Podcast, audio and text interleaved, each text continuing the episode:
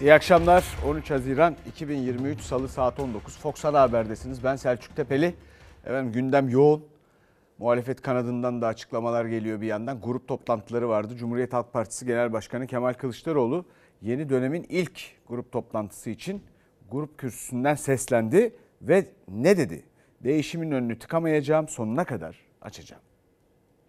Hiçbir zaman, hiçbir zaman değişimin önünü tıkayan bir kişi değil, değişimin önünü sonuna kadar açacağım. Sonuna kadar. Seçim sonrası değişim rüzgarlarının estiği CHP'nin ilk grup toplantısı Kemal Kılıçdaroğlu'nun partilere vereceği ilk mesajda merak konusuydu. Kılıçdaroğlu değişimin önünü sonuna kadar açacağım dedi. Ekrem İmamoğlu'yla Ankara'da yapacağı görüşmeden bir gün önce. Eleştirilere saygı evet. Eksikliklerimizi bize hatırlatanlara evet. Partinin yenilenmesi, partinin güçlenmesini evet. Bütün bunların önünü açacağım hiç endişe etmeyin. Ekrem İmamoğlu Kemal Kılıçdaroğlu ile bir kez daha Ankara'da bir araya gelecek. O görüşmeden bir gün önce CHP lideri yeni dönemin ilk grup toplantısı için salona alkışlarla girdi. Uzun sürede ayakta alkışlandı. Bir değişim yapacaktık. Ülkemize demokrasiyi getirecektik ve otoriter bir yönetimi demokratik yollarla yolcu edecektik. Açıkça ifade etmek gerekirse kazanamadık.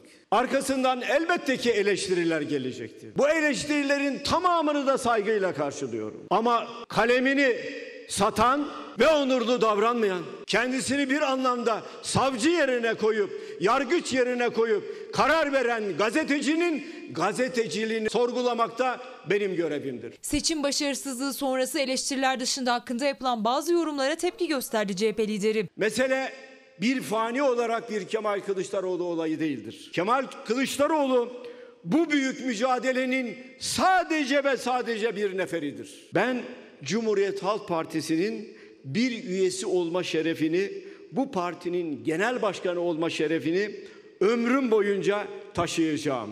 Bu şeref benden aileme kalacak olan en kıymetli mirastır. CHP'de kurultay süreci başladı. En çok merak edilen Kemal Kılıçdaroğlu'nun yeniden genel başkanlığa aday olup olmayacağı. Ben bir genel başkan olarak partimin sadece bugününü ve yakın geleceğini değil, uzun hedefli yapısını da düşünüyorum ve düşünmek zorundayım. Hiç kimse unutmasın. Gemiyi limana sağlam götürmek yine kaptanın görevidir. Kaptan olarak gemiyi limana sağlam götüreceğimi herkes bilsin. Değişim çağrılarına karşı kurduğu cümleler Kemal Kılıçdaroğlu'nun değişimin önünü tıkamayacağım cümlesini net kurdu. Birlik ve beraberlik mesajı vererek. Yenilenmenin parçası olmak istiyorum diyen bütün vatandaşlarıma, yoldaşlarıma, arkadaşlarıma seslenmek istiyorum. Bir, önce bireysel beklentilerden tamamen arınmak zorundayız. Cumhuriyet Halk Partisi'nin değerlerini her zaman korudum ve kolladım. Bunu yapmaya bu partinin bir neferi olarak devam edeceğim. Sıradan bir neferi, sıradan bir üyesi olarak da aynen devam edeceğim. Kemal Kılıçdaroğlu'nun CHP'nin sıradan bir üyesi olarak mücadeleye devam edeceğim cümlesi de dikkat çekti ama değişimin önünü sonuna kadar açacağım sözleri konuşmasının manşetiydi. Efendim şimdi söyleyecek çok şey var elbette fakat bunu bir haberin ardına sığdırmak zor. Şimdi bir defa gazeteciler ve siyasetçiler arasındaki münasebetler. Kalemini satan gazeteciler diye bir ifade kullandı Kemal Kılıçdaroğlu. Bunu kullanmak ve orada bırakmak doğru bir şey değil. Kim onlar? Ve ne demek istedi Kemal Kılıçdaroğlu? Şimdi biz keramet aramayalım değil mi? Ne demek istedi? Sonra değişimin önünü sonuna kadar açacağım. Değişim nedir? Buna dair Cumhuriyet Halk Partisi'nin Kemal Kılıçdaroğlu'nun ve yanındaki danışmanlarının filan epeyce düşünmesi lazım. Mesela bir gemi meselesi var. Gemiyi limana sağ salim yanaştıracak bir kaptan olarak kendini tarif etti. Şimdi aklıma oradan uzatmak istemiyorum konuyu ama Teneus'un gemi paradoksu geliyor. Teneus 3000 sene evveli Atina kralı Peloponezya Savaşı'na gidiyor. Gittiği gemi limandan yola çıkıp gittiği gemi birçok hasar alıyor. Arada çürüyor ediyor filan. işte dönüş yolunda başka gemilerin enkazından ya da sağda solda uğranan adalardan alınan kalaslarla şunla bunla gemi tamir ediliyor. Aşağı yukarı komple değişiyor. Evet üstünde Teneus var. Ama gemi tekrar Atina limanına döndüğünde o Teneus'un gemisi mi hala? Geminin her parçası değişmiş. Dolayısıyla mesela köylüyü, bu ülkenin insanını anlamak filan konusunda muhalefetin kendi içinde yapacağı bir şey değil değişim. Değişimin ne olduğunu hakikaten düşünmek zorundalar. Bir defa mizacını, yatkınlıklarını, milletin yatkınlıklarını, mizacını anlamak üzere bir kere dışarı açılmak zorundalar. Belli ki bir takım ön kabullerle, klişelerle, hatta ön yargılarla hareket ediyorlar. Köylüyle ilgili veya neyse tarımla ilgili veya politikayla ilgili veya şu veya bu. Bunun için de dün Pierre Bourdieu'nun metodolojisini önerdim. Habitus. Yani ben elimden geleni yapıyorum ne diyeyim. Gazeteciler konusunda da Habermas'tan Gabriel Garcia Marquez'den iki şey söyleyeyim. Biri en büyük yazarlardan, biri de yaşayan filozoflardan. Özgürlük ve sorumluluk arasındaki dengeyi bulduğun zaman işini yapıyorsun demektir. Ya da Marquez'in dediği gibi ifade özgürlüğü sadece hükümetlerin uygulamalarıyla şunla bununla ilgili değildir. Senin işini ne kadar iyi yaptığınla da ilgilidir. Dolayısıyla bu kalemini satan gazeteciler cümlesi ilginç. İlginç. Yani bununla ilgili soru sorulmazsa bu ülkede bu, bu sorunlu bir durum bir kere zaten. Sorunlu bir durum yani. Tayyip Erdoğan'a hep soruyoruz biz bunları. Ha cevap veriyor mu vermiyor ayrı mesele. Efendim şimdi geçelim buradan devam edeceğiz. Bu değişim konusundan devam edelim. Kemal Kılıçdaroğlu böyle söyledi.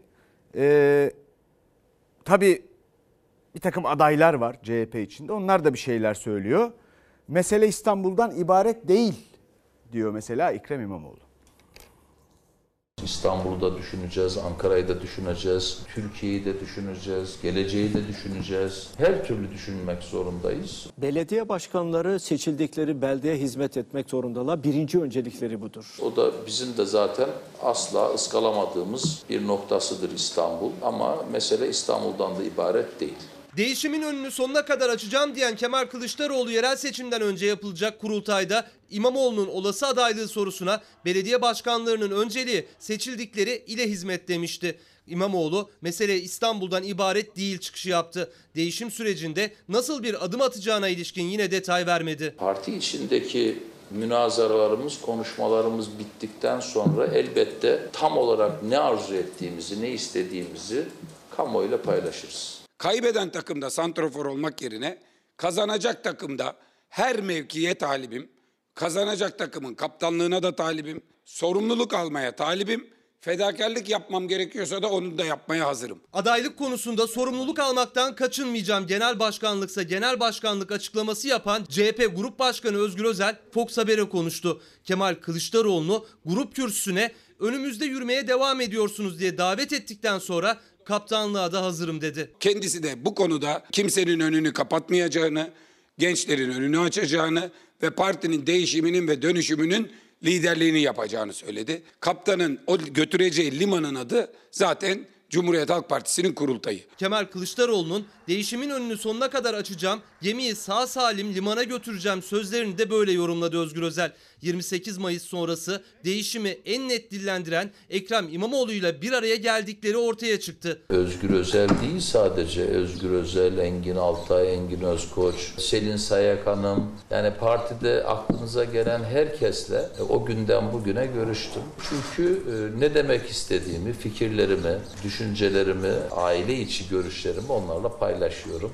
Özgür böyle de o kapsamda görüştük. Bu süreçte ben olacaksam olsun, ben olmazsam hiçbir şey olmasın demek partiye ve Türkiye'ye doğru mesajı vermemek olur. Seçimin ardından CHP'de değişim tartışmaları sürerken değişim çıkışını en net yapan ilk isim Ekrem İmamoğlu CHP Grup Başkanı Özgür Özel'le buluşmasını aile içi olarak değerlendirdi. Gözler seçimden sonra iki kez bir araya gelen Kemal Kılıçdaroğlu ve Ekrem İmamoğlu'nun Ankara'da yapacakları üçüncü görüşmelerine çevrildi. Suçumuz, kusurumuz varsa görevimiz gereği e, ülkemizin, devletimizin her birimine hesap vermeye hazırız. Ama uydurma kavramlar üzerinden, uydurma işler üzerinden arayışlar nafile. Beylikdüzü Belediye Başkanlığı döneminde hakkında ihaleye fesat karıştırma iddiasıyla açılan davada Danıştay Ekrem İmamoğlu'nu haklı bulmuştu. İstanbul Büyükşehir Belediye Başkanlığı sonrası Süleyman Soylu döneminde İçişleri Bakanlığı Danıştay'dan dönen dosyayı tekrar açtı. İmamoğlu'na siyasi yasakta istenen o davanın ilk duruşması 15 Haziran'da. İmamoğlu da uydurma işler dedi. Şimdi efendim iktidarın herhangi bir rakibi yargıyı da maalesef yargının buna itiraz etmesi lazım elbette. Devreye sokarak onu da kullanmaya çabalayarak belki bertaraf etme çabası içinde olduğunu görüyoruz. Bunu zaten uzun zamandır yapıyorlar. Daha önce eleştirdikleri şeye dönüştüler. Daha önce eleştirdikleri neyse, karşısında durdukları neyse ona dönüştüler. Fakat bu açıdan bakıldığında konu şimdi iktidar konusu değil. Geleceğiz iktidar haberlerine. Muhalefet konusu. Çok fazla düşünüyorlar ve bütün ifadelere baktığımda şöyle şeyler görüyorum. Efendim tartışmasız, kavgasız, gürültüsüz kurultaya kadar ya değişim kavgasız, tartışmasız, gürültüsüz, şunsuz, bunsuz olacak, steril olacak. Böyle bir değişim böyle bir şey değil. Madem sonuna kadar açılacak, serbest bırakılacak değişimin önü Bunlar olabilecek şeyler. Buralardan fikir ürer. Ayrıca dün de söyledim. Şunu anlamakta güçlük çekiyorum ben. Bir insanın bir davası olur. Bir hayali olur. Bir ideali olur.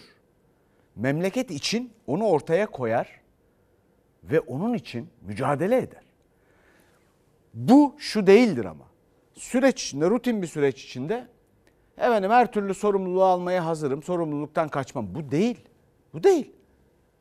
Bu memlekette 85 milyon insan hadi onların çocuk işte filan neyse çıkaralım. Nereden 50 milyon insan sorumluluk almaya hazır. E ne olacak şimdi? Ortaya bir fikir koyacaksınız. Şöyle diyeceksiniz bu ülke için, bu memleket için. Arkadaş kafamda öyle bir şey var ki bir rüya ki hiç görmedik.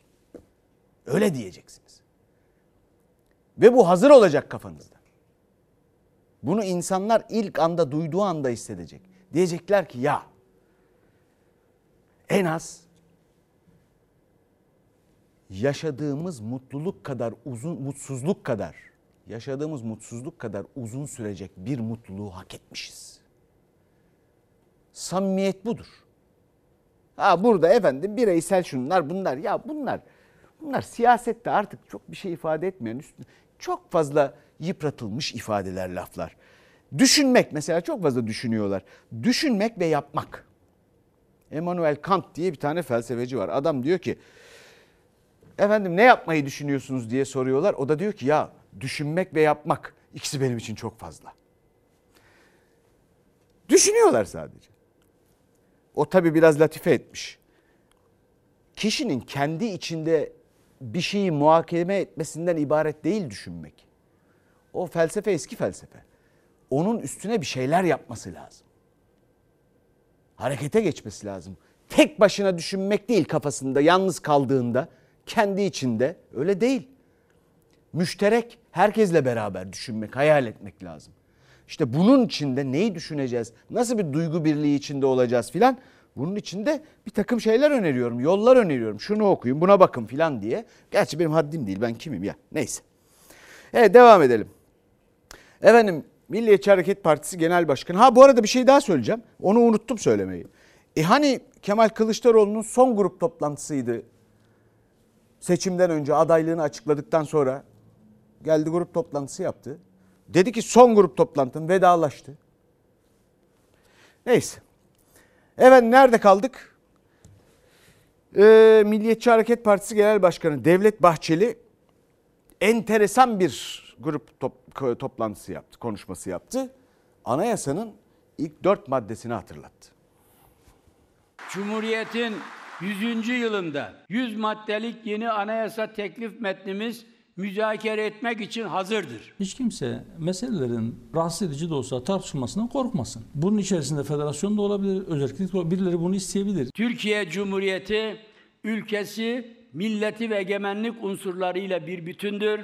Aynı zamanda milli ve üniter bir devlettir. Bahçeli MHP'nin 100 maddelik anayasa teklifini açıklarken anayasanın değiştirilmesi dahi teklif edilemez ilk 4 maddesine vurgu yaptı. Bahçeli'nin sözleri anayasanın değiştirilemez maddesi olmamalı, federasyon tartışmalı diyen, Türk bayrağı yerine Türkiye bayrağı öneren Cumhur İttifakı ortağı Hüdapar Genel Başkanı'na da mesaj gibiydi. Başkentimizin Ankara, dilimizin Türkçe, bayrağımızın ay yıldızlı al bayrak, milli marşımızın İstiklal Marşı olduğu bunlar bizim hayat ve varlık kaynağımızdır. Ülkenin ismi nedir? Türkiye Cumhuriyeti. Türkiye Cumhuriyeti. Türkiye Cumhuriyeti'nin de bayrağı var değil mi? Diyor ki bu, bu Türkiye'nin bayrağı değil mi? Türkiye bayrağı mı denmeli Evet, diyorsunuz? ülkelerin bayrağı olur. Aradığımız uzlaşma ve diyalog zemini ancak milli ve manevi ilkelere saygı ve riayetle mümkündür. Biz diyoruz ki tamamen yeni ve sivil bir anayasa yapılmalı. 100 sene sonra da olsa kimse bu anayasayı değiştiremez diye bir hüküm koymayalım. Milliyetçi Hareket Partisi'nin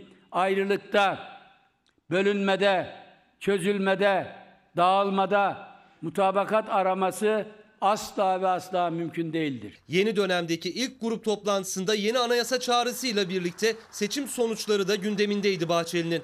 Kılıçdaroğlu'nun kırsala inemedik, seçimi kırsal oyları nedeniyle kaybettik sözleri de. Acaba kırsaldaki insan neden bu ekonomi yıkımdan etkilenmedi diye. Ayda 500 lira verdiğinizde zaten harcayacak yer yok. Köyde nereye harcayacak parayı? Ekonomik yıkımdan etkilenmiyor mu? Failin derhal özür dilemesi lazımdır. Bu ayıplı sözler milletimizi derinden yaralamış, Cumhuriyet Halk Partisi'ne oy veren vatandaşlarımızı da şaşırtmıştır. Benim için Türkiye Cumhuriyeti vatandaşının başımın üstünde yeri vardır. Çünkü benim için yandaş değil, vatandaş esastır. Tercihleri, iradesi, kararı ne olursa olsun hepimiz aynı ülkenin vatandaşları, aynı memleketin evlatlarıyız. Kılıçdaroğlu eleştirilere yanıt verirken daha önce hazine yardımına bloke konulan ve kaldırılan HDP için Yargıtay Cumhuriyet Başsavcısı yeni bir adım daha attı. Bir kez daha hazine yardımına bloke konulmasını istedi. HDP'nin seçime girmemesini gerekçe gösterdi.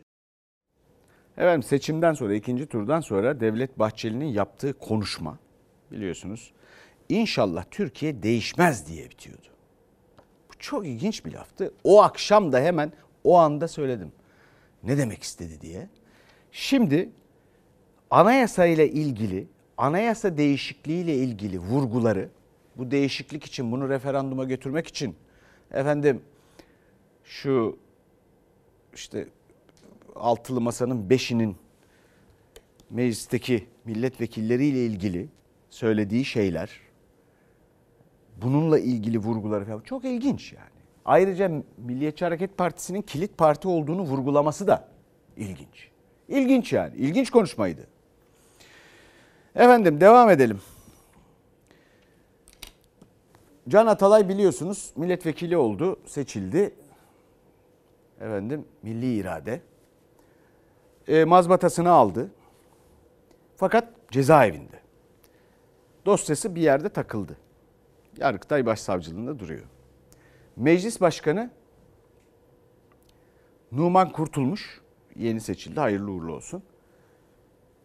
Şimdi tabii anayasa yokmuş gibi bu fotoğrafı koyduk ama benim aklıma Numan Kurtulmuşlu bir fotoğraf geliyor. Aklıma da şu söz, şu cümle geliyor. Anayasa yokmuş gibi çek pampa. Şerafettin Can Atalay.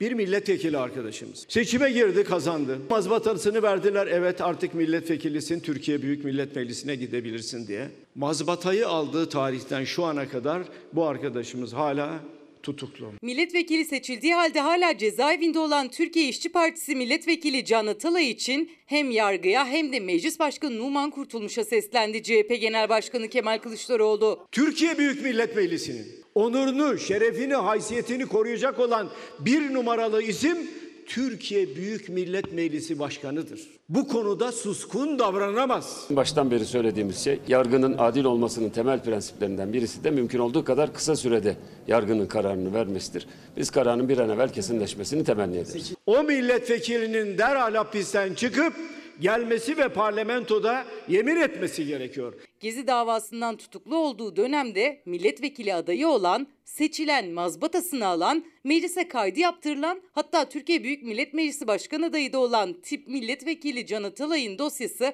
hala Yargıtay'da bekletiliyor. Tip Genel Başkanı Erkan Baş da Atalay'ı cezaevinde ziyaret etti. Daha önce CHP'li Enis Berberoğlu için de aynı tartışmalar yaşanmıştı. Bir dönem MHP'li bir milletvekili için aynı e, Engin Alan için aynı tartışmalar yaşandı. Yargı bu şekilde siyaset alanını dizayn etme çabasından uzak durmalıdır. Anayasa ve yasalar neyi gerektiriyorsa onu yapmalıdır. Yargıtay'da şu anda hükümlü olarak dosyası devam ediyor. Hüküm verilmiş. Yargıtay'dan gelecek cevaba göre meclis başkanlığı hareket edecektir. Daha acı olanı ise Adalet Bakanlığı'nın tutukluyla hükümlüyü ayıramayan bir pozisyonda olmasıdır. Mahkum edilmedi ki. Hakkında bir mahkeme kararı yok ki. Ama bunu hükümlü kabul ediyor. Bunlar doğru değil. Anayasaya göre seçimden önce ve sonra bir suç işlediği öne sürülen bir milletvekili meclisin kararı olmadıkça tutulamaz, sorguya çekilemez, tutuklanamaz ve yargılanamaz diyor. Barolar, sivil toplum kuruluşları Hatay Milletvekili Can Atalay'ın serbest kalmamasının anayasaya aykırı olduğunu hatırlatarak imza kampanyası da düzenledi. Kişinin bizim partiden olup olmamasının önemi yok. Önemli olan bu milletin iradesiyle seçilen bir milletvekilinin hala yasalara, anayasaya aykırı olarak hapishanede tutulmasıdır. Can Atalay gibi Gezi davasından tutuklu 72 yaşındaki mimar Mücella Yapıcı da cezaevinden bir mektup yazdı. Tüm muayenelere kelepçeli götürüldüğü, diş tedavisi için bile kelepçenin çıkarılmadığını duyurdu. Hastaneye gitmeme kararı aldı. Evet, kıymetli izleyicilerimizden gelen mesajlar arasında görüyorum ki Latife ile elbette Kant'tan falan bahseden e, izleyicilerimiz var. Şimdi boş verin Immanuel Kant'ı falan. Bahsim o değil. Bilhassa da şu anda bizim haber bültenini efendim kıraathanelerde, kahvehanelerde izleyen kıymetli izleyicilerimize sesleniyorum. Aklımdaki o değil. Çay ver Kant olsun. Tam zamanı. Efendim asgari ücrete geldik. Asgari ücret pazarlığı başladı. Resmi belgeler istendi. Önümüzdeki günlerde ilerleyen saatlerde açıklama yapacağız. Teşekkür ediyorum. Rakam konuşuldu. Yok herhangi bir rakam yok. Önemli olan burada istihdamı da aksatmayacak, sürdürülebilir ama dengeli, çalışanın da işverenin de beklentisini dikkate alan tutardır. Bu da tabii Türkiye Cumhuriyeti'ndeyiz. E, TL konuşacağız. İşveren cephesinin 500 dolara tavrı ne oldu? Bu da konuşuldu Biz mu? Türkiye'de yaşıyoruz efendim. Eski Çalışma Bakanı Vedat Bilgin'in asgari ücret için 500 dolar seviyesi sözüne karşı işvereni temsil eden TİSK, Türkiye'deyiz, Türk lirası konuşacağız demişti. Aynı tavrını ilk pazarlık görüşmesinde de sürdürdü. MHP lideri Devlet Bahçeli, dolar kurundaki yükselişin tüm maaş artışlarında dikkate alınması gerektiğini söyledi. Asgari ücretle geçinen kardeşlerimizin, emeklilerimizin, memurlarımızın ve toplumun her kesiminin döviz kurundaki dalgalanmalardan korunarak insanca yaşayacakları ücret ve maaş seviyelerine çıkarılmasını destekliyor. Ülkemize ne düşüyorsa yapacağımızın sözünü veriyorum. 1 Ocak'ta 465 dolar olan 8506 liralık asgari ücret bugün 360 dolar seviyesinde. Asgari ücretlinin 6 aydaki kaybı 105 dolar. Asgari ücrete %20 zam yapılırsa 10.207 lira olacak. %25 zamla 10.632 lira. %30 zam yapılırsa 11.057 liraya yükselecek. %40 zam yapılırsa 11.910 liraya. Asgari ücretli çalışan kardeşlerimizin günün şartlarına göre, yaşanan ekonomik krize göre, ev kiralarına göre, hayat pahalılığına göre güncellenmesini istiyoruz. Asgari ücretin belirlenmesinde genellikle resmi enflasyon rakamları dikkate alınarak yapılıyor. Ancak işçi cephesi enflasyon rakamların yanı sıra refah payı, açlık ve yoksulluk sınırı gibi rakamların da gözetilmesini istiyor. Siyasetimizin özü güvendir. Söylediğinizi yapacaksınız, yapamayacağınızı da söylemeyeceksiniz. Aşağı yukarı 500 dolar civarında. Ona göre bir asgari ücret belirleyeceğiz inşallah. Çalışmalarımız hazır. Eski Çalışma Bakanı Vedat Bilgin 500 dolar sözü vermişti. Cumhurbaşkanı yardımcısı Cevdet Yılmaz da verdiğimiz her sözü tutacağız dedi ama bir rakam belirtmedi. Asgari ücret tespit komisyonunun bir buçuk saat süren ilk toplantısından sonra milyonlarca asgari ücretlinin beklediği bir açıklama gelmedi. Bayramdan önce bir an önce bitmesini istiyoruz. Toplantı her an yarın olabilir, akşam olabilir, ertesi gün olabilir. Herhangi bir tarih yok. Sayın Cumhurbaşkanımız hiçbir zaman çalışan kesimlerin, geniş kesimlerin enflasyon karşısında satın alma güçlerinin erimesine müsaade etmemiştir. Aynı yaklaşımı göreceğiz. Cumhurbaşkanı yardımcısı Cevdet Yılmaz asgari ücretliyi enflasyona ezdirmeyeceğiz diyor ama milyonlarca işçi 6 aylık enflasyon dışında geçmişe dönük kayıplarının da telafi edilmesini bekliyor. Efendim geniş kesimlerin ezilmesine müsaade etmemiş midir alım gücü açısından Cumhurbaşkanı Erdoğan? Ya bu memleket tarihinde görmedi böyle bir şeyi. Yüzde altmışı asgari ücret, asgari ücrete yakın bir ücret. Çalışanlar.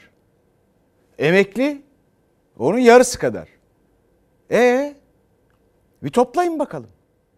Bütün bunların hepsi açlık sınırının altında. Müsaade etmemiş midir? Bak ya. Demin boşuna demedim çay ver kant olsun diye. En ucuzu o. Sıcak su. Bir tane şeker. Çünkü çaya yüzde 44 zam geldi ya.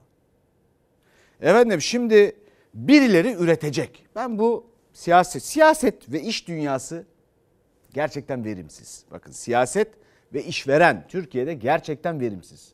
Çalışanın verimliliği artıyor. Bütün istatistiklerde, verilerde bunu görüyorsun. Ama şey siyasetçi ve işveren kendisinden bekleneni bütün avantajlara rağmen yerine getirmiyor. Birileri üretecek. Birileri de tüketecek. Üreten ürettiği şeyi de tüketebilecek. Ekonomi böyle olur ya. Efendim zenginlik öyle istisnai bir şey olamaz. Zenginlik, mutluluk bu sürdürülemez. Yok öyle üç kuruşa beş köfte yani. Ya bunlar hiç ne bileyim Vernon Smith de okumamış. Efendim ne bileyim Benoit Mandelbrot da okumamış. Efendim Richard Hudson okumamış. Ne bileyim Keynes okumamış. Bertrand Russell okumamış. Ya bu sürdürülemez kardeşim. Böyle ekonomi olmaz ya. İstisna birkaç zengin birkaç mutlu olacak. Siyasetçi atacak tutacak. İktidar 22 sene bütün o beceriksizliklerin üstüne hala sabır isteyecek.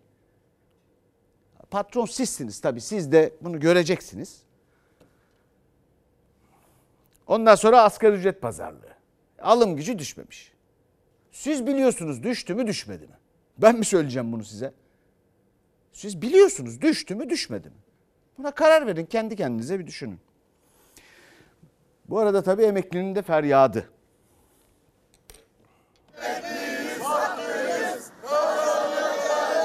Çok zor durumdayız. İnsanlar çok zor durumda. Buraya gelirken ben yol paramı düşündüm. Eve giderken akşama ne yemeği pişireceğim diye düşünüyorum. Biz de insan gibi yaşamak istiyoruz. Geçen maç vardı Şampiyonlar Ligi. Buraya gelen Avrupa'dan emeklileri gördüm. Benim burada memleketime gidecek param yok. Hani tek servetim diye gelenler vardı ya. Ben o tek servetimi sattım. Başka ülkeye seyahat bir yana geçinebilmek için alyansını sattı Zeki Altınbıçak. Emekli olduğunda en düşük emekli maaşının 3 katını alıyordu. Şimdi biraz üstünü alabiliyor. Bu adaletsizlik giderilsin, yoksullukta buluşan maaşları artırılsın, bayram ikramiyelerine zam yapılsın diye bir kez daha seslerini duyurmaya çalıştı emekliler. Bizler doyarız fakat beslenemeyiz. Bizler örtünürüz fakat giyinemeyiz. Emekliler tamamıyla unutulmuş. Emekliler yıllarca çalışıp primini ödüyor. En rahat edecekleri emeklilik döneminde büyük bir yoksulluğa mahkum oluyor. Bayram öncesi bir araya gelen emekliler daha iyi bir yaşam ve bir nebze de olsa kendilerini rahatlatacak bir bayram ikramiyesi talep etti. Bu ikramiye ne kiramızı denkleştirmemizde ne borç, borçlarımızı bir nebze olsun azaltmasına ne de soframıza et girmesine izin vermeyecek. Emeklilerimizin bayram ikramiyesini 2000 liraya çıkardık. Şimdi bu rakamı daha da yukarıya çıkarmanın inşallah hesabı içerisindeyiz. vermiş oldukları vaatleri, bayram ikramiyelerini, emeklilere verilecek zamların sözlerinde durmalarını istiyoruz. Cumhurbaşkanı Erdoğan seçim öncesi bayram ikramiyesine zam vaadinde bulundu ama 15 gün kala hala ikramiyenin adı konulmadı. Bir yandan da gözler Temmuz zamında. TÜİK seçim öncesi verilen ücretsiz doğalgaz nedeniyle enflasyonu düşük hesapladı. İlk 5 aya göre %15,26 enflasyon farkı. TÜİK'in verdiği yalan enflasyona göre ücret belirliyor. Halbuki ev kiraları şu anda 15 bin lira olmuş. Asgari ücretin üstünde ben sigortanın tavanının üzerinde maaş aldım çalışırken. Ve şimdi beni getirdiği yer burası. Kiraya yetmiyor, gıda yok. Gıda yok. Eğer çocuğum çalışmasa ben gerçekten de geçinemem. Sığıntıyım yani resmen sığıntı. Kaç yıl çalıştığı, kaç gün prim ödediği anlamını yitirdi emekli için. Açlık sınırının altında 7500 liralık en düşük emekli aylığına mahkum çoğu. Eriyen alım güçlerini en iyi onlar ifade ediyor. TÜİK'in enflasyonuna göre değil, geçinebilecekleri bir maaş için seyyanen zam istiyorlar. 2002 yılında ben emekli olmuştum. O gün iki asgari ücret üstünde maaş alıyordum bağlandığı zaman. 14 veya 15 çeyrek al- altın alıyordum. Bugün 3 tane çeyrek alamıyorum aldığım maaşla. tüm emekli aylıklarına, dul ve yetim aylıklarına TÜİK'in sahte e, ve yalan olduğu herkesin malumu olan bu enflasyon oranı değil, halkın yaşadığı gerçek mutfak enflasyonuna göre seyyanen zam istiyoruz. Beh, şimdi biliyorsunuz hep gelir adaletsizliği deniyor ya. Bizim haber merkezi Fox haber merkezi nefis bir başlık atıp nefis bir haber yaptı. Gider adaletsizliği. Gelirinizin ne kadarı gıda harcamasına gidiyor? %80'den fazlası. Yetiyor mu diye sorsana yavrum. Yetmiyor maalesef. Öyle bir hesap yapamıyoruz. Gelir gelmiyor ki. Günlük cebimizde ne para var onu harcıyoruz.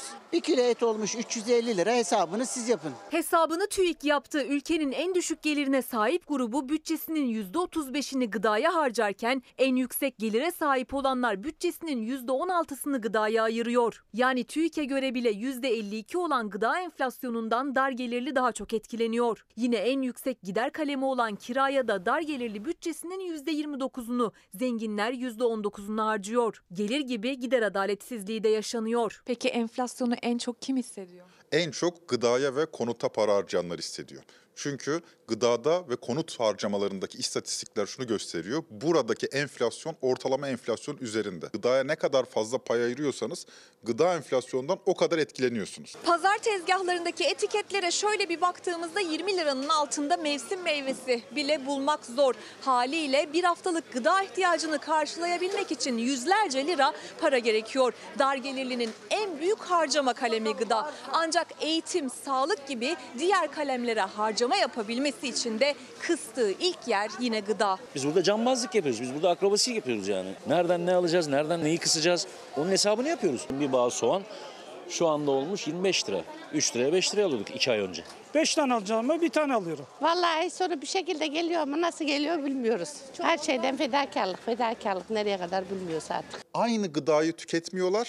Aynı konutlarda da oturmuyorlar. En yoksul %20 çok fazla para harcıyor diye aslında lüks bir tüketimin içinde değil. En yoksul %20 aylık 4911 TL harcıyor. Bu toplam tüketimi. Bunun 1758 TL'si gıdaya gidiyor. En zengin %20'lik birey için düşünelim. O toplam ayda 22.716 TL harcıyor ama gıdaya 3770 TL ayırıyor. En zengin %20 iki kat daha fazla para harcamasına rağmen, çok daha lüks bir tüketimin içinde olmasına rağmen toplam gelirinin %16'sı kadarını gıdaya ayırıyor. Kızım da çalışıyor, ben de çalışıyorum, eşim de çalışıyor ama gerçekten yetmiyor yani. İnan ki abla hani gelirimi hesaplarsam ya değil, gıdanın hiçbir şeyini de alamıyorum doğru dürüst. Hani çocuklar mesela okula gidiyor istediğini koyamıyoruz. 3 kilo yoğurt 70 TL olur mu? Bir de kiracı olduğumu daha çok zor. Neyi kiraya vereceksin, neyi faturaya vereceksin, neyi gıdaya vereceksin yani çok zor. Zenginin evi var, kira derdi de yok. Ama dar gelirli kirasını çektiği krediyle aldığı borçla ödüyor. Ben 6 kişilik bir aileyim. Kayınvalidem var yaşlı, Alzheimer hastası. 1800 liraya ben aylık bez alıyorum. 3 tane çocuğum var. Beslenmelerine koyamıyoruz artık. Bir kutu süt alamıyoruz ya. Ben çekmişim 58 bin lira kredi. Eşim alıyor askeri ücret. Fakir zaten yerin dibine girdi. Zengin zaten yükseldi. Artık yani yeter. Bıktık gerçekten buramıza geldi. Bizim zenginimiz parası olduğunu kanıtlamak için para harcıyor. Para böyle harcamaz. Zenginimiz para harcamayı bilmiyor. Belli ki bunun sebebi para kazanmayı bilmiyor olmalısından. Peki o para nereden geliyor? Bunu bir dakika bölümüne bırakıyorum. Üstüne konuşacağız. Şimdi depremzedeye fatura şok. Kestiler faturayı kestiler. Biz çadırda kalıyoruz. Su faturası geldi. Yani biz evde olmadığımız sürece gene fatura geliyor. Yakmadığımız sürece elektrik yok, su yok, bir şey yok. Neden fatura geliyor bunu anlamıyoruz. Biz evde olmadığımız sürece, su gelmediği sürece nasıl yazıyorlar ben bunu anlamıyorum. Hiç kimse anlayamadı. Yıkılan evlerine, çalışmayan iş yerlerine, kullanmadıkları elektrik, suya, internete fatura geldi. Depremzedelerin faturaları 3 ay ertelenmişti. Gelen toplu faturalarla şaşkına döndü Hataylı depremzedeler. Normalde gelmemesi lazım. Burası afet bölgesi sayılması lazım.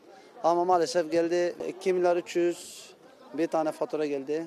En büyük felaketi yaşadılar. Depremin üstünden 4 aydan uzun süre geçti. Hala çadırlarda kalıyorlar. Hatay'da esnaf yeni açmaya başladı dükkanını. Onlara da geldi fatura.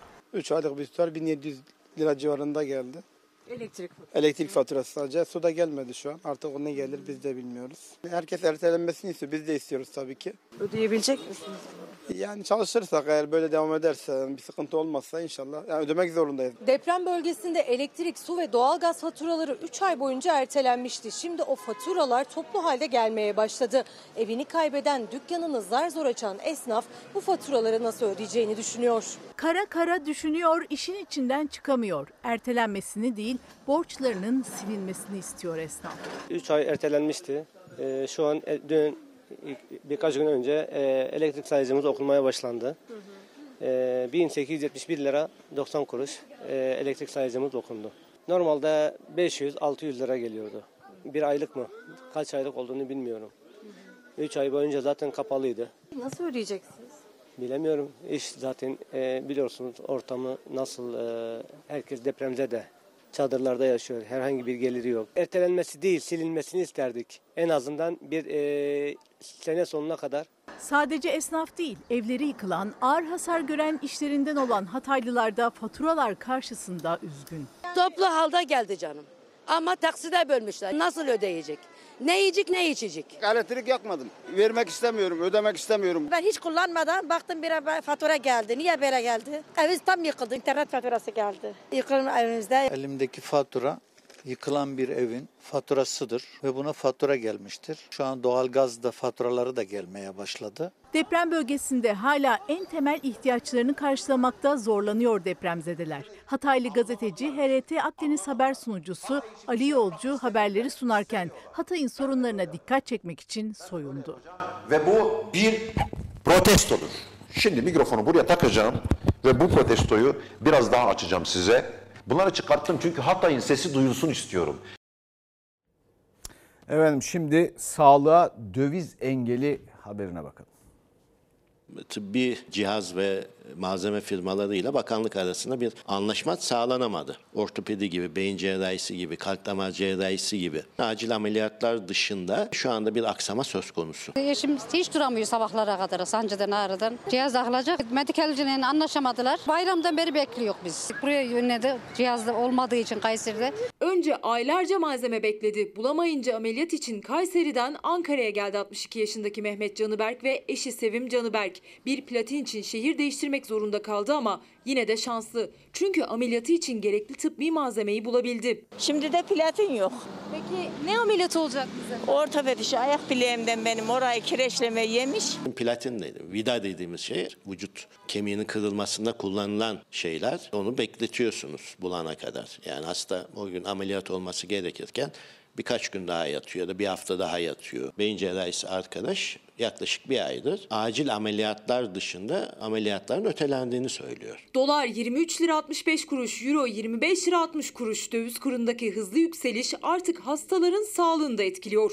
Hemen her tıbbi malzemenin ithal olduğu Türkiye'de döviz kurundaki ralli nedeniyle medikal malzeme ve cihazların temini daha da zorlaştı. Alacağını tahsil edemeyen firmalar yeni cihaz ve malzeme vermek istemiyor. Bazı firmaların önemli alacakları var tahsil edemedikleri. Devlet firmalara mı borçlu? Tabii tabii borçlu. Acil geldim, ameliyatım acil oldu. Başkasının başına gelen bir kişi 3 ay sonraya şu protezi yaptırmaya randevu vermişler. Türk Tabipleri Birliği de Ankara Tıp Odası da malzeme eksikliği nedeniyle acil olmayan ameliyatlar dışındaki ameliyatların ertelendiğini söyledi. Devlet Malzeme Ofisi kamu için alım yapıyor. Firmalarla bir anlaşma yapılamadığı için alım olmadı. Bu nedenle de eksik malzemeler hastaneler arasında temin ediliyor. Tıbbi malzeme temininde yaşanan sıkıntılar her ilde, her hastanede ya da her bölümde değil ama şimdilik hekimlerin iddiasına göre kur artışı devam ederse sorunlar da artacak. Bir, biz dışa bağımlıyız. İki, paramız pul olmuş. Döviz gerekiyor bunları almak için. Bunlar sağlanamadığı için bulamıyorsunuz yani. İlaç tedavisi için bekliyoruz şu anda. Hastalık da ilerliyor. Sadece tıbbi malzeme değil kur artışından dolayı ilaca erişimde de sorun yaşıyor hastalar. Nörolojiden geldik. Orada birçok hastadan duydum yani. Kan iğnesi, bazı ilaçlar. SMA'daki ilaçlarda oluyor. Ankara Tıp Odası Başkanı Muharrem Baytemir döviz kurundaki artış ve buna bağlı olarak malzeme tedariğindeki aksaklıklar devam ederse sağlık krizi kapıda diyor. Acil olmasa bile birçok ameliyat gerekli yani zorunlu. Önümüzdeki dönem daha da sıkıntılı günler olacak gibi gözüküyor. Hükümet geçen hafta SMA ile ilgili bir takım açıklamalar yaptı. Peki bir haftada SMA'lı yavrular için ne yaptılar? Bitti bitti. Ağlama. Hayır. Ağlamak yok yok yok. Evladım gözünün önünde erirken ben dayanamıyorum artık bir anne olarak. Evlatlarımız için kaybedecek bir dakikamız bile yok.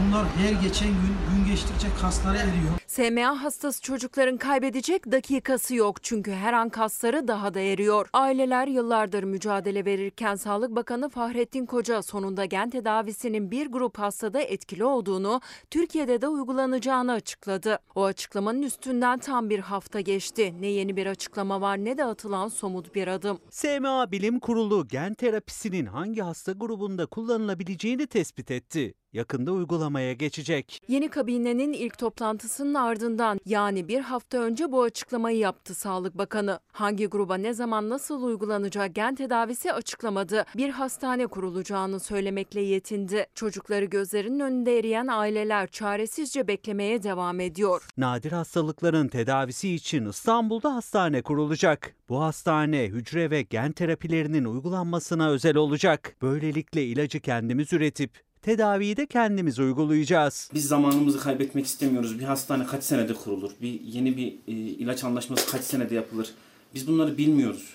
Belki 3 sene sürecek, belki 5 sene sürecek. Zamanla yarışan bebeklerden biri SMA hastası Ayşe Bükre Yaman. Hala SGK karşılamadığı için yurt dışında 2,5 milyon dolara mal olan tedaviye ulaşabilmek adına kampanya düzenliyor ailesi. Yaklaşık biz bir senedir kızımızı kurtarmak için savaşıyoruz. Zamanla yarışıyoruz. 10 gün sonra benim kızım yaşına girmiş olacak. Kızımızın savaşında elimizden tutulsun istiyoruz. Evladım büyüyor. Evladım da hastalığı da büyüyor. Ben artık evladım ne zaman ölecek değil de ne zaman kurtulacak diye düşünmek istiyorum.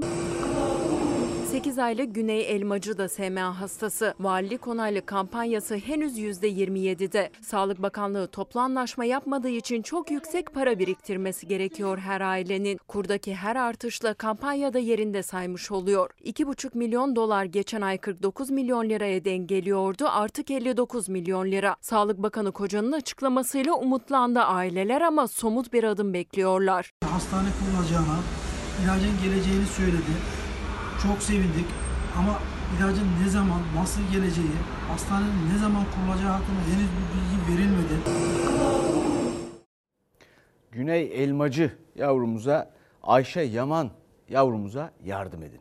Çünkü onlar konuşuyor hükümet filan bir yere vardığı yok şu ana kadar varmadı yani. Efendim bakalım düğün sezonunda altın ne durumdaymış? Ha uçuyormuş. Yok canım ne nerede altın? Altın çarşısı da burası. Düğün çok davetiyeler hep telefona geliyor ama ben gidemiyorum. Çok ciddi bir yükseliş var zaten. Ee, sadece bakma aşamasında kalıyoruz. Maalesef cesaretimiz yok. Girip soramıyoruz. Alamayacağımızı bildiğimiz için. 14.500 liraydı. Geçen haftalardaki fiyatı ise 13.500 liraydı. Her bir tanesinde yaklaşık olarak 1000 TL fiyatı değişmiş oldu. Bu beşi bir yerde Beşi mi? bir yerde. Reşat Beşi bir yerdemiz. Şu an fiyatı 55 bin TL. Önce ne kadardı? 47-48 bin lira civarı net. Beşi bir yerde 55 bin lira artık sadece bir ay önce 47 bin liraydı. Rekor üstüne rekor kıran altın bir ayda %20'ye yakın değer kazandı. Tam da düğün sezonunda. Gram altın 1495 lirayla yeni rekorunu kırdı. Kuyumcularda ise 1550 lira fiyatı. Çeyrek altın 2500, Cumhuriyet altını ise 10350 liradan satılıyor. Düğün mü var? Oğlumun. Ama düşünüyoruz kara kara. Bu şartlarda. Kolay mı? Şimdi almak istiyorum. O yüzden fiyat sorup duruyoruz birkaç yerden. 100 bin lira biz düğün salonu olur mu? Çok dertliyiz. Hiç mutlu değiliz. En mutlu günleri aslında ama masraflar mutluluğa gölge düşürüyor. Altın fiyatlarındaki artış düğün takılarında fiyatları bir anda yükseltti. Şu seti düğünü olan biri geçen hafta alsaydı ne kadar alacaktı? Bugün alsa ne kadar alacak? Geçen hafta alsaydı 28 bin TL civarına alacaktı. Bu hafta ise fiyatı 30 bin TL. Düğünlerde takılacak setlerden biri fiyatı sadece bir haftada 2 bin lira birden arttı. Altındaki rekor yükselişten sonra 28 bin lira olan bu set 30 bin liraya çıktı. Altın hızlı yükseliyor ve kimse buna yetişemiyor. Hızına yetişilemiyor altının. Bir ayda bir burma bilezikteki fiyat farkı 4000 lira. Burma bilezik takmayı Evet. tercih etse ne kadar gözden çıkarmak zorunda? En aşağı 25 bin TL. Bir ay önce ne kadardı? Aşağı yukarı 21-22 bin lira civarında. Ya üzerine 3-4 bin lira koydu 20 bin lirada. Net koydu yani. Düğünlerde özellikle yakın akrabaların takmayı tercih ettiği burma bilezik çok değil birkaç ay önce kış aylarında 20 bin liraydı. Altındaki rekor artışla fiyatı yaklaşık 30 bin lira oldu. 3 bilezik alacaksın 2 tane bilezik alıyor. İşte bu seti alacağın daha ince bir set alıyor. Bir başkası özellikle aileler tarafından takılan Trabzon set. O da birkaç ay önce 100 bin liraydı şimdi 150 bin lira. Yatırımlık hayal oldu zaten artık maalesef. Her şey ihtiyaç noktasında kalıyor. Almadığımıza pişmanız daha önceden. İyi ki zamanında evlendirmişiz. Şimdi çok zor. Şimdi bir ara bir dakika bölümünde buradayız. Efendim süremiz bitmiş. Yarın anlatacağım anlatacağımı. İyi akşamlar. Bin can feda bir tek dostuma Her köşesi cennetin ezilir yerler için